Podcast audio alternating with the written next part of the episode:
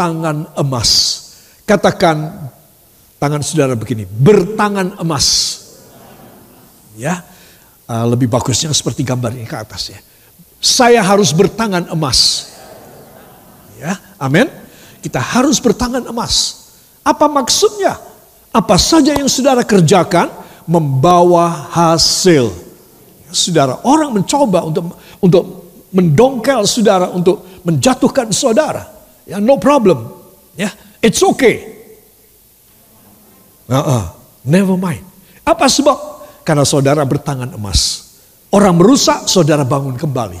Amin. Tuhan memberikan sesuatu kuasa dalam hidup saudara. Itu sebab penting sekali ayat yang akan saya dan Anda baca bersama dua buah ayat dari 1 Samuel pasal yang ke-10 ayat yang ke-6 dan ayat yang ke-7 para kekasih. Siap kita akan baca dengan suara yang nyaring. 1 Samuel pasal yang ke-10 ayat 6 dan ayat yang ke-7. Satu, dua. Maka roh Tuhan akan berkuasa atasmu. Engkau akan kepenuhan bersama-sama dengan mereka. Dan berubah menjadi manusia lain. Apabila tanda-tanda ini terjadi kepadamu, lakukanlah apa saja yang didapat oleh tanganmu. Sebab Allah menyertai engkau. Amin. Lakukanlah apa saja yang didapat oleh tanganmu. Maka Allah menyertai kamu. Saya katakan dengan kata idioms, yaitu bertangan emas. Ya, saudara. Nah ini adalah perkataan Tuhan melalui Nabi Samuel kepada Saul. Calon raja pertama Israel. Saudara, seorang yang disebutkan dalam fase yang ke-9, seorang yang gagah, cakep, tinggi besar dan semua orang Israel sampai di pundaknya saja. Saudara, dan dia adalah seorang gembala kambing domba. Saudara, raja pertama Israel gembala, raja kedua juga gembala. Siapa raja kedua? Daud. Saudara yang kekasih, di sini kita melihat bahwa pekerjaan gembala adalah pekerjaan di mana Allah mudah untuk menemui dan mempunyai rencana yang istimewa dalam hidupnya. Kalau saudara seorang ibu dan ayah dalam keluarga yang kecil, atau dalam satu perusahaan atau satu usaha kerja yang kecil saja skalanya, tidak mengapa. Kalau saudara mau menjadi seorang gembala atau pemimpin rohani dalam kelompok kecil ini, saudara, kalau orang tua tidak bisa, maka anak yang rohani dia bisa menjadi pemimpin gembala bagi keluarga ini secara rohani, saudara. Itu sebab pekerjaan gembala, kalau siapa pun yang ingin menjadi gembala di dalam lingkup hidupnya, saudara, maka dia adalah orang yang mudah mendapat apa yang menjadi rencana Allah dalam hidupnya. Katakan luar biasa. Katakan saya harus demikian. Saudara, jadi apa saja yang saya dan saudara mau kerjakan, kita harus tampil. Bukan menampilkan, tapi kita harus membuktikan kerja, bukti kesaksian hidup sebagai seorang yang lebih rohani daripada yang lain. Sehingga dengan demikian kuasa roh Allah tinggal dalam hidup kita dan apa saja yang kita kerjakan pasti berhasil. Itu kehendak Allah para kekasih. Nah, ada baiknya nanti di rumah saudara membaca fasa yang ke-9 ya saudara. Itu mendahului tentang fasa 10 ini. Saudara-saudara, berikut saya akan menyampaikan pada saudara proses memiliki tangan emas. Saudara, ini bukan sesuatu yang mendadak sontak, ya saudara, atas perkataan Tuhan terjadi demikian. Tetapi kalau saudara melihat dari ayat 1 dari fase 10 ini, saudara ada tiga tahapan yang Allah berikan kepada Saul, calon raja Israel yang pertama dan orang pertama yang diurapi oleh Allah untuk melakukan pekerjaan-pekerjaan yang dahsyat itu Saul. Saudara. Jadi kalau kita belajar dari Saul, jangan kita anggap ini orang konotasinya jelek. Ya memang karena roh Allah keluar dari dia. Jadi kita melihat begitu roh Allah keluar dari saya, roh Allah dicabut dari saudara, maka kita adalah orang buangan saja. Sampah saja. Saudara.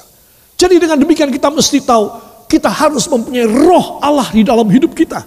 Supaya apa? Supaya kita menjadi seorang yang bisa dipakai untuk kemuliaan nama Tuhan dan berguna, berkasiat, menjadi berkat dan menjadi kuasa Allah bagi orang-orang banyak di sekitar kita. Katakan, saya harus demikian.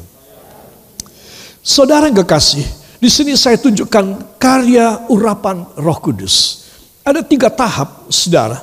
Yang pertama pengurapan minyak. Ayat 1 dari 1 Samuel pasal yang ke-10 kita akan baca. Siap? 1 Samuel 10 ayat 1. 1, 2. Lalu Samuel mengambil buli-buli berisi minyak. Dituangkannya, dituangnyalah ke atas kepala Saul. Diciumnyalah dia sambil berkata, Bukankah Tuhan telah mengurapi engkau menjadi raja atas umatnya Israel? engkau akan memegang tampuk pemerintahan atas umat Tuhan dan engkau akan menyelamatkannya dari tangan musuh-musuh di sekitarnya.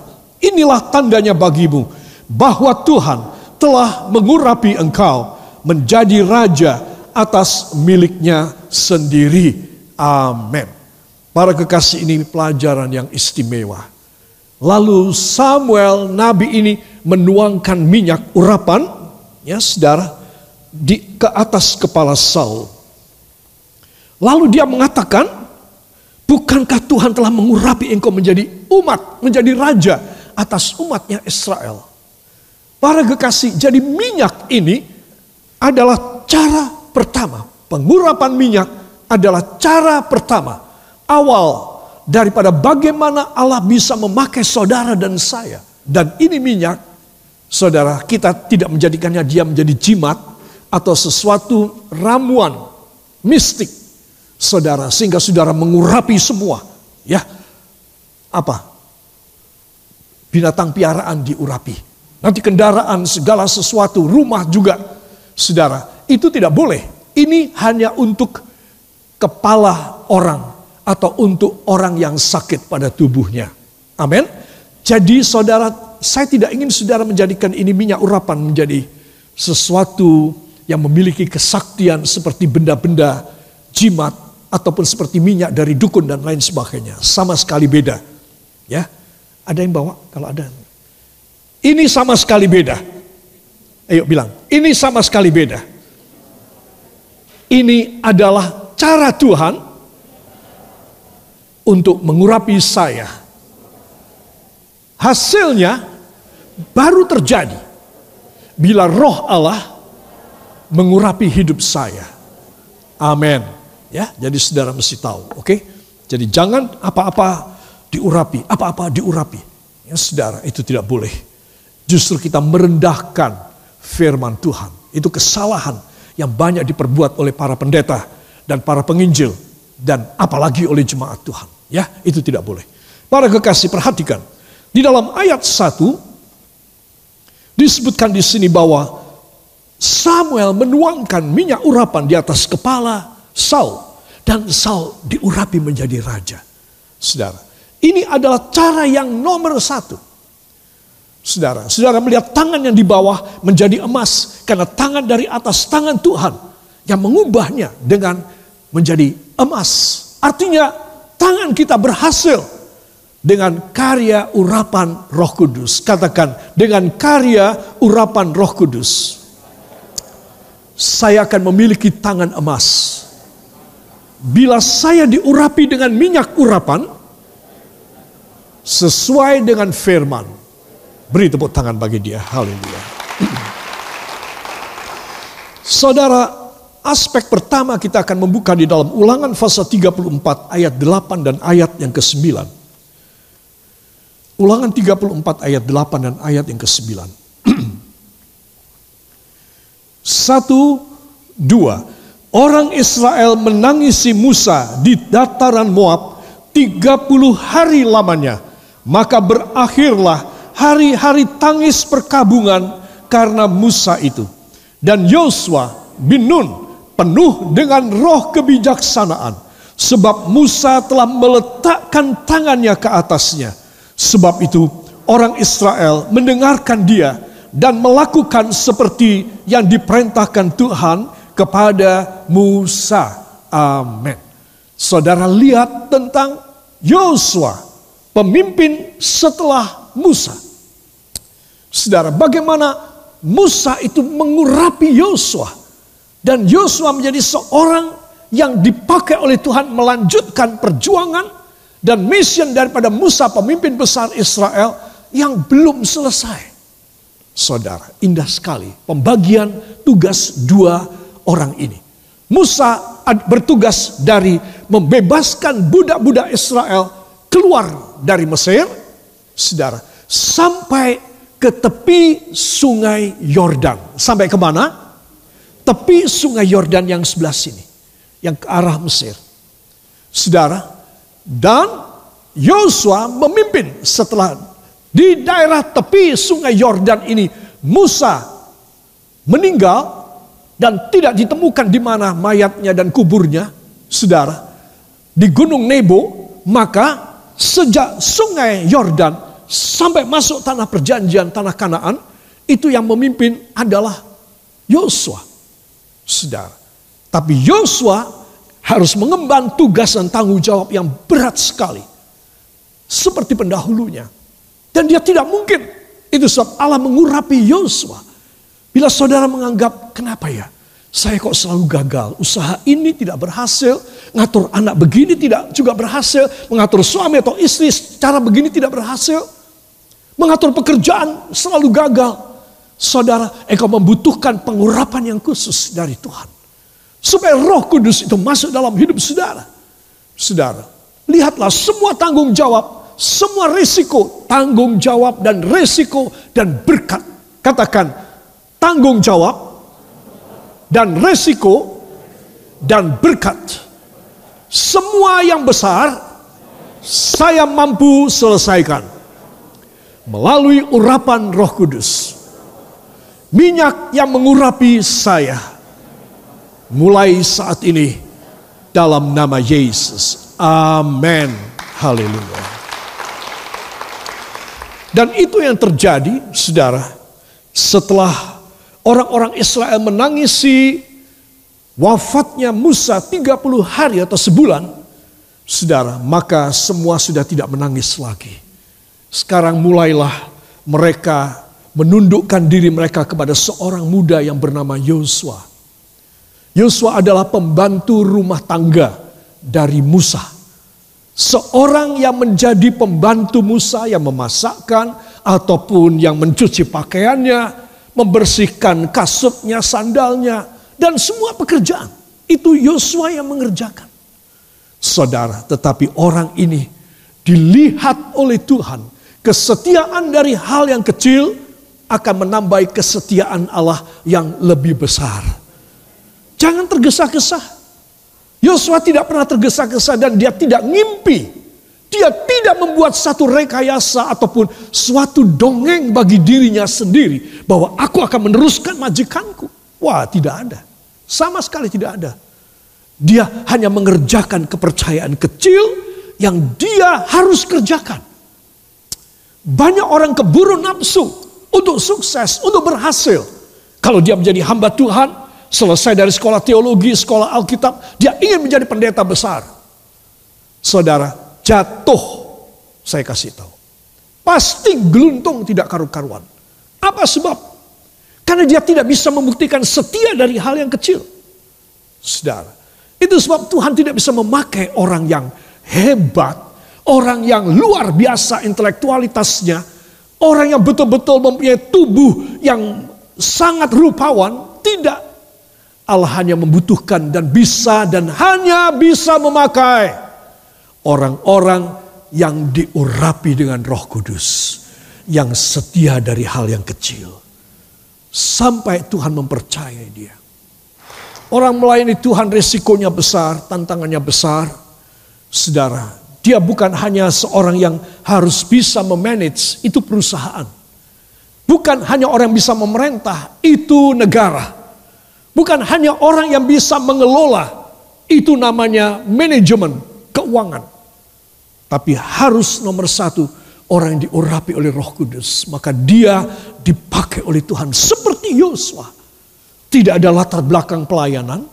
Dia hanya melayani sesosok majikan. Siapa namanya? Musa. Dia tidak pernah melayani sesuatu pekerjaan yang kudus. Dia tidak mempunyai pakaian kain linen. Tidak. Saudara. Itu sebab saya dan saudara harus tahu. Minyak urapan mengubah semua ketidaklayakan saya. Segala yang kita tidak layak dirubah ketika seorang diurapi oleh roh kudus. Amin. Siapa yang percaya? Beri tepuk tangan yang baik bagi dia. Haleluya. Saudara yang kedua, kita akan membaca 1 Samuel pasal yang ke-10 ayat yang kedua. Siap? 1 Samuel pasal yang ke-10 ayat yang kedua. Satu, dua.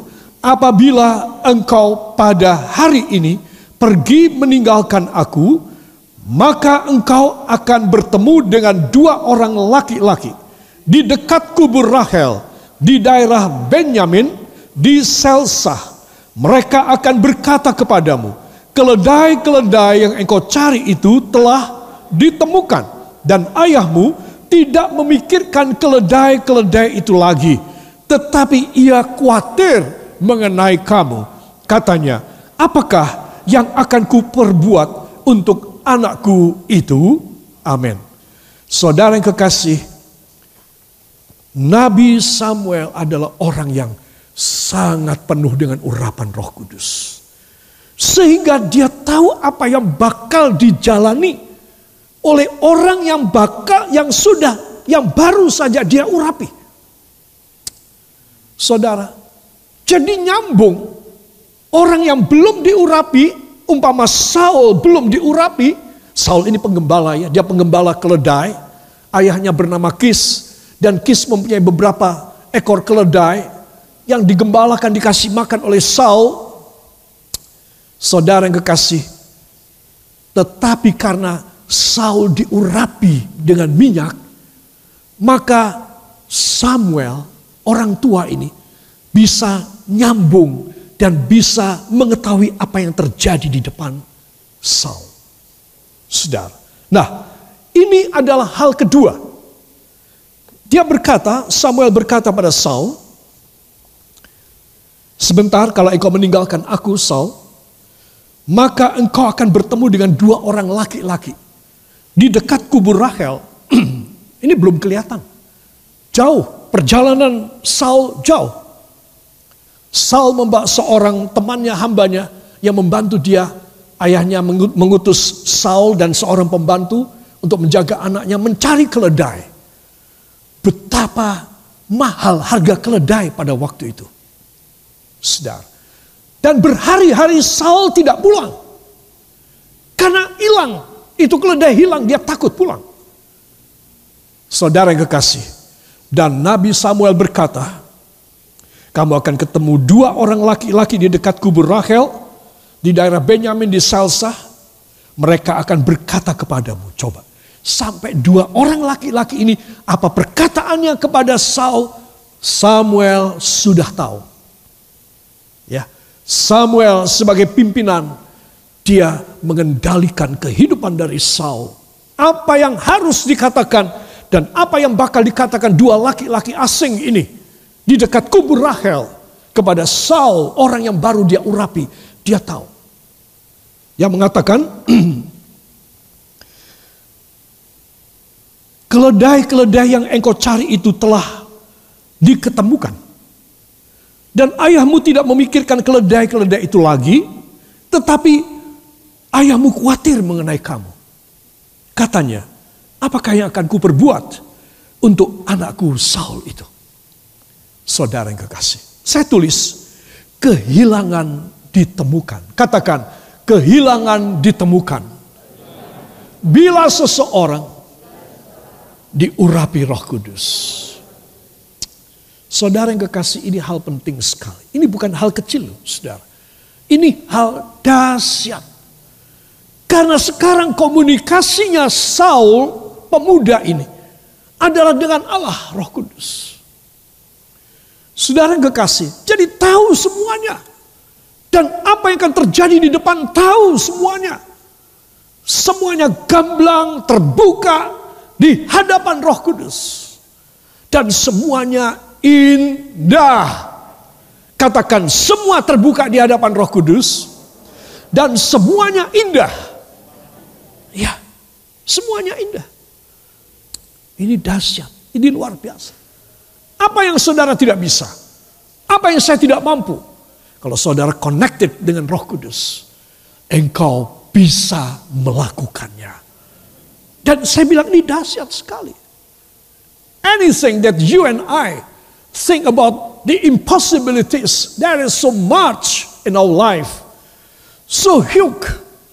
But if you being filled with the Holy Spirit, and you are anointed by God, then you are become a new one with the golden hands, bertangan emas. Whatever you find, you do it, and it will be successful and done so well before you. Jadi Anda dan saya harus tahu karya Roh Kudus itu dahsyat. Orang tidak punya Roh Kudus tidak diurapi dengan minyak urapan adalah orang yang terbatas, semuanya terbatas. Semuanya serba tidak bisa. Dan dia cuma bisa bilang matang aku, ciloko aku, nggak iso iki piye, aduh gagal aku, aku kesakitan nih sekarang. Saudara, orang yang punya roh kudus beda. Katakan, orang yang diurapi roh kudus beda. Saya ingin menjadi seperti itu. Saudara, dan itu yang terjadi kalau Saul dia nurut kepada Samuel untuk stop tidak mencari keledai yang hilang. Dan sebaliknya dia mau taat kepada perkataan Samuel untuk pergi ke gunung Allah Gibea. Saudara, semuanya beres. Banyak orang Kristen tidak mau mendengar perkataan dan petunjuk dan nasihat dari gembalanya. Bagaimana dia bisa selamat? Nanti diberkati sebentar, habis berkatnya. Nanti sembuh sebentar, sakit lagi. Nanti selesai sebentar, berantakan lagi. Dia tidak akan pernah bisa menemukan dan mendapatkan sesuatu pekerjaan yang utuh, yang sempurna dari Allah. Tidak mungkin. Karena dia tidak pernah menundukkan dirinya kepada perkataan gembalanya. Itu sebab penting sekali seorang bisa menemukan yang hilang. Saudara, tapi dia mau taat, dia mau nurut. Itu sebab ketika dia menurut, semua yang hilang, semua yang nihil dan nulus nol besar, semua yang gagal, semua yang tidak mungkin akan diselesaikan luar biasa oleh Tuhan itu terjadi. Ini pengalaman pertama pemuda ini, pemuda gembala, orang sangat sederhana. Pengalaman pertama. Saya yakin tercetak pada memori dia. Kalau aku taat pada suara Nabi, maka aku akan selalu bisa mendapatkan yang hilang. Aku tidak usah khawatir lagi. Oke, aku jalan terus. Saudara yang kekasih, ini adalah pengalaman yang dahsyat di dalam 1 Korintus 4 ayat 12 dan 20. 1 Korintus 4 ayat 12 dan 20. Satu, dua. Kami melakukan pekerjaan tangan yang berat. Kalau kami dimaki, kami memberkati. Kalau kami dianiaya, kami sabar. 20. Sebab kerajaan Allah bukan terdiri dari perkataan, tetapi dari kuasa. Diulangi lagi ayat 20. Sebab kerajaan Allah bukan terdiri dari perkataan, tetapi dari kuasa. Amin. Terima kasih. Silahkan duduk kembali. Semua katakan ini benar-benar dahsyat. Saudara yang kekasih, lihat banyak orang mengutamakan kerja ya dan meninggalkan kerajaan Allah.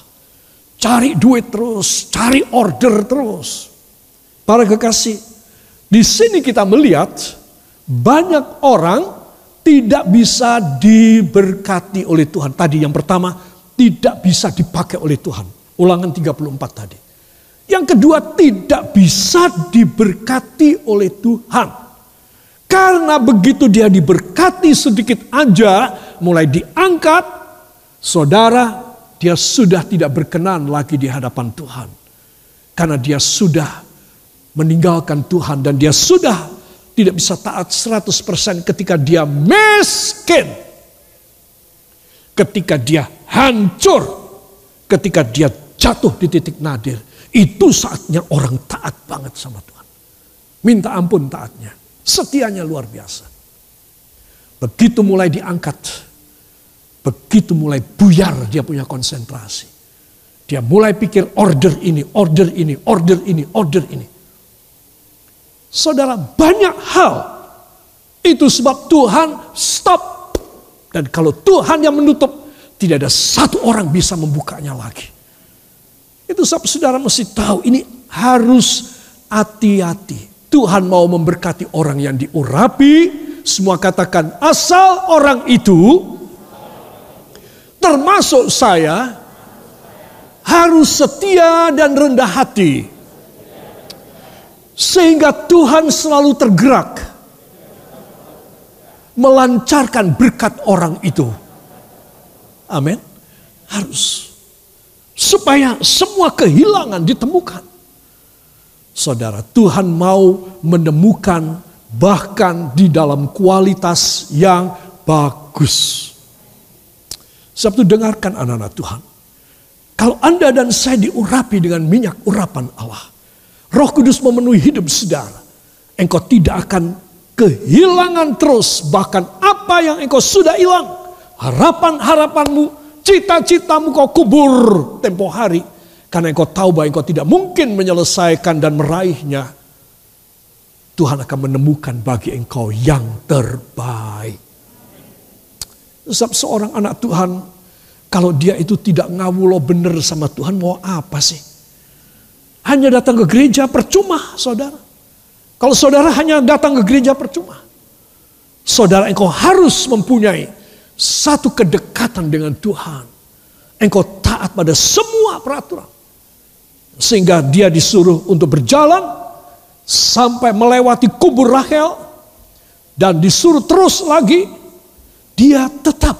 Itu sebab Rasul Paulus menulis kepada jemaat di Korintus. Ayat yang ke-12 kami melakukan pekerjaan tangan yang berat. Saudara, Rasul Paulus mengatakan, kami ini melakukan pekerjaan yang berat. Pekerjaan tangan. Bukan pakai mesin, bukan pakai komputer macam sekarang. Bukan dengan naik mobil, naik angkutan. Tidak, kami mengerjakan dengan tangan kami pekerjaan yang berat. Tidak cukup sampai di sana. Kalau kami dimaki, kami memberkati. Bisa apa tidak? Ya. Terima? Tidak bisa terima. Kadang-kadang orang tidak bisa terima kalau dimaki. Rasul Paulus memberitahu. Seorang yang diurapi oleh roh Allah. Dia bisa bertahan. Satu dia bekerja keras dengan tangannya, pekerjaan yang berat. Dua, dia bekerja dengan perasaannya yang berat. Sekalipun dia dicaci maki, dia apa? Memberkati Saudara kalau engkau benar, diam aja. Kerajaan Allah akan turun kepadamu. Kuasa Allah akan mengurapi engkau. Dan akan mengalahkan orang-orang yang menuduh engkau. Orang-orang yang membuat engkau cedera. Orang-orang yang tidak adil kepadamu. Dikalahkan. Amin. Beri kemuliaan yang baik bagi dia.